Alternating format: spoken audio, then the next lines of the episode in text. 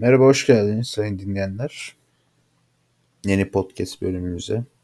Klasik cümlem olan uzun süreden sonra tekrar sizlerleyim yani. Yine uzun zaman oldu. Geyiğini bırakıyorum bu sefer. Haziran ayına geldik. Dile kolay. Havalar benim içimden çok sıcak. Ve ben çok sıcaklardan hoşlanmıyorum. Yani bunu Temmuz'u, Ağustos'unu düşünün. Geçmiş olsun bana ne diyeyim yani. Bilmiyorum bakalım. Hayat devam ediyor her zamanki gibi.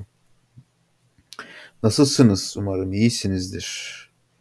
Ben nasılım? İyiden halledeceğim. Neydi? Unuttum. Çok güzel bir kelimem vardı bunun için. Kullanıyordum eskiden de. Yaşamaya mı çalışıyorum? Yok. İyiden halledeceğim gibi. Ne iyi ne kötü. İyi ve kötü arasında bir yerdeyim. Evet. Hatırladım. Yine hazırlık yapmadan geldi tabii ki. Hazırlık yapmama gerek olduğunu da düşünmüyorum hiçbir zaman.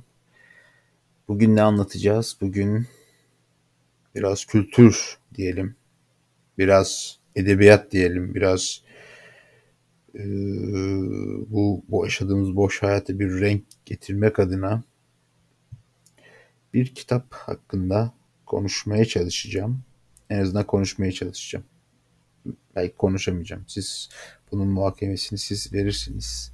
Dinledikten sonra dinlemedikten sonra kapatabilirsiniz. Lafı veremeden gevelemeden önce hemen başladım. Hangi kitap? Bir Kadın Düşmanı. Reşat Nuri Güntekin'in. İşte 1930'larda geçiyor kitap. Ee, kitapta baş karakter Sara adlı bir paşa kızı var. Bu işte şımarık bir kız. Aklı ile e, yani şımarık büyümüş. Şımarık zaten. İşte, on, kaç 20 yaşında mı öyle bir şeydi işte de akıllı, akıllı bir kız. İşte erkekleri kendisine bağlıyor. İşte onlarla peşinden koşturuyor. Cart Klasik kız, kadın demeyelim. Lütfen beni linçlemeyin. Sonra e, Homon Kolos yani Ziya adlı bir karakter. Karakter işte, sosyal mi diyeyim, antisosyal benim çok kullandığım bir kelimedir. Böyle her dışarı çıkmayan insanlar, konuşmayan insan as- asosyal yakıştırması yapılır ama bazı insanlar tercih meselesi antisosyal olabilir. Yani bu kötü bir şey değil. Arkadaşlar siz sosyal oldunuz diye sevmediğiniz insanlarla konuştuğunuz için, herkesle konuş, herkesle arkadaş olduğunuz için aman ben çok sosyalim bak şu aktivite yapıyorum şu an şunu aktivitesinden geldim aman aman hayatı dolu dolu yaşıyorum diyebilirsiniz. Kimse size bir şey söylemiyor asosyal insanlar da yani bunlardan hoşlanmayabilir ya da antisosyal. Yani bu şeyi ben yapabilirim ama yapmıyorum, reddediyorum. Ama bu demek değildir ki yani hiçbir zaman sosyalleşmeyen bir insan demek değil yani antisosyal o an sosyalliği reddeden insan. Benim yorumum budur belki değildir. Belki ben bu durum için kendi bir lafımı dile getiririm ve o laf üzerinden konuşuruz ya da konuşurum. Daha sağlıklı olabilir. Neyse. İşte Homongola Ziya diyelim. Çok garip bir lakap neyse. Lakap bir yerden geliyordu unuttum şimdi. İşte bu Ziya'da işte bir kadın düşmanı tam. İşte e, patavatsız bir insan. Sonra insanlar konuşmayı sevmiyor. Sporcu. Yani in, hayvan gücünde bir insan. Ee, işte Sara kuzeninin düğünü için 1930'larda geçiyor demiştim demiştim. Yeni dönem değil yanlış düşünmeyin. Zaten yazardı. Az çok kitap okuyan bir edebiyat bilgisi olan bir insan. Yazarından ötürü Reşat Nuri Güntekin'den ötürü e, bunun eski zamanda geçtiğini hatırlar. Yani neyse. Biraz daha eleştiri, yergi mi bilemiyorum. İşte kuzenin düğünü için bir yere gidiyor. İşte gittiği yerde de Ziya ve onun kampında yaşayan sporcu insanlar. Neyse Sara işte orada da rahat durmuyor. Erkekleri baştan çıkarmaya çalışıyor. Peşinden sürüklemeye çalışıyor. Bundan keyif alıyor. Hatta kuzenin evlenecek olan kuzenin eşine bile o durumu yapıştırıyor. Sonradan fark ediyor tabii rahatsız oluyor bu durumdan. Neyse hani biraz da kalbi var diyelim. Biraz da yani ilk zamanlar yapıyor ama sonra diyor ki neyse diyor.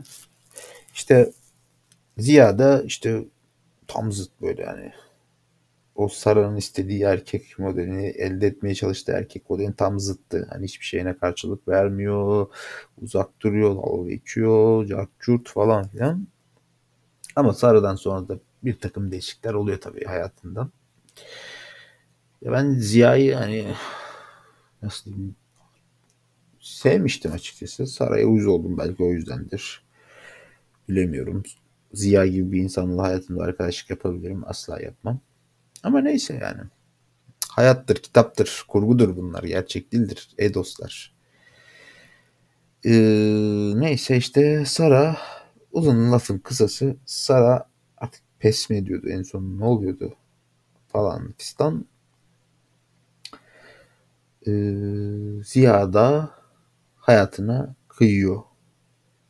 Yani çok değişik. Hemen kısaca özetledim. Yani bir kitap okumak istiyorsanız sonunda Ziya ölüyor. Hem de birkaç çok e, dokunaklı bir sözle demişti. Ben zaten ona yenil, yenilmiş mi? E, çok güzel bir laftı dedim. Aa dedim ben o zaman kitabı atmıştım falan. Bayağı bir tepkiliydim. İnanılmaz tepkiliydim. Tabii ben kadın düşman değil mi? Yanlış anlamayın lütfen beni. Ben insan sevmiyorum kısaca. Neyse böyle bir kitap yani. O zamanların döneminde bence yazılmış güzel bir kitap. Okuyun. Gerçi sonunu söyledim. Ama ortası bayağı şeydi. Çok da kalın bir kitap değil yani bir yani en kötü iki güne okursun yani. Ben bir günde bitirmiştim ama en kötü iki güne ok okursun diye düşünüyorum. Hani okuma yazma biliyorsan eğer ya da üç olsun kırılmayın sonra iki günde bitiremediğinizde okuma yazma bilen her insan üç günde çok rahatça bitirebilir. Ya ben şeyde şu kafasında insanlardan da değilim. Günde her gün bir saat kitap okumalı insan ya da yarım saat falan ya da 50 sayfa. Yani. Canım ne zaman okumak isterse kaç saat oralı kaç kelime kaç dakika yani bence kitap okumayı böyle belirli bir kalıba itmemek lazım. İnsanın canı okumak isterse okumalı. Benim görüşüm çünkü ben öyle yapıyorum genelde. Ben canım kitap okumak istiyorsa o kitabı bitiririm. Başka kitap başlar onu da bitiririm. Ama kitap can yani çok okumak istediğim kitabı değil. Canım istemiyorsa asla okumam. Zorlamam yani kendimi. Böyle işte yine bilgilendirici bir kanal olma yolunda ilerliyoruz. Belki kanalın formu. Neyse.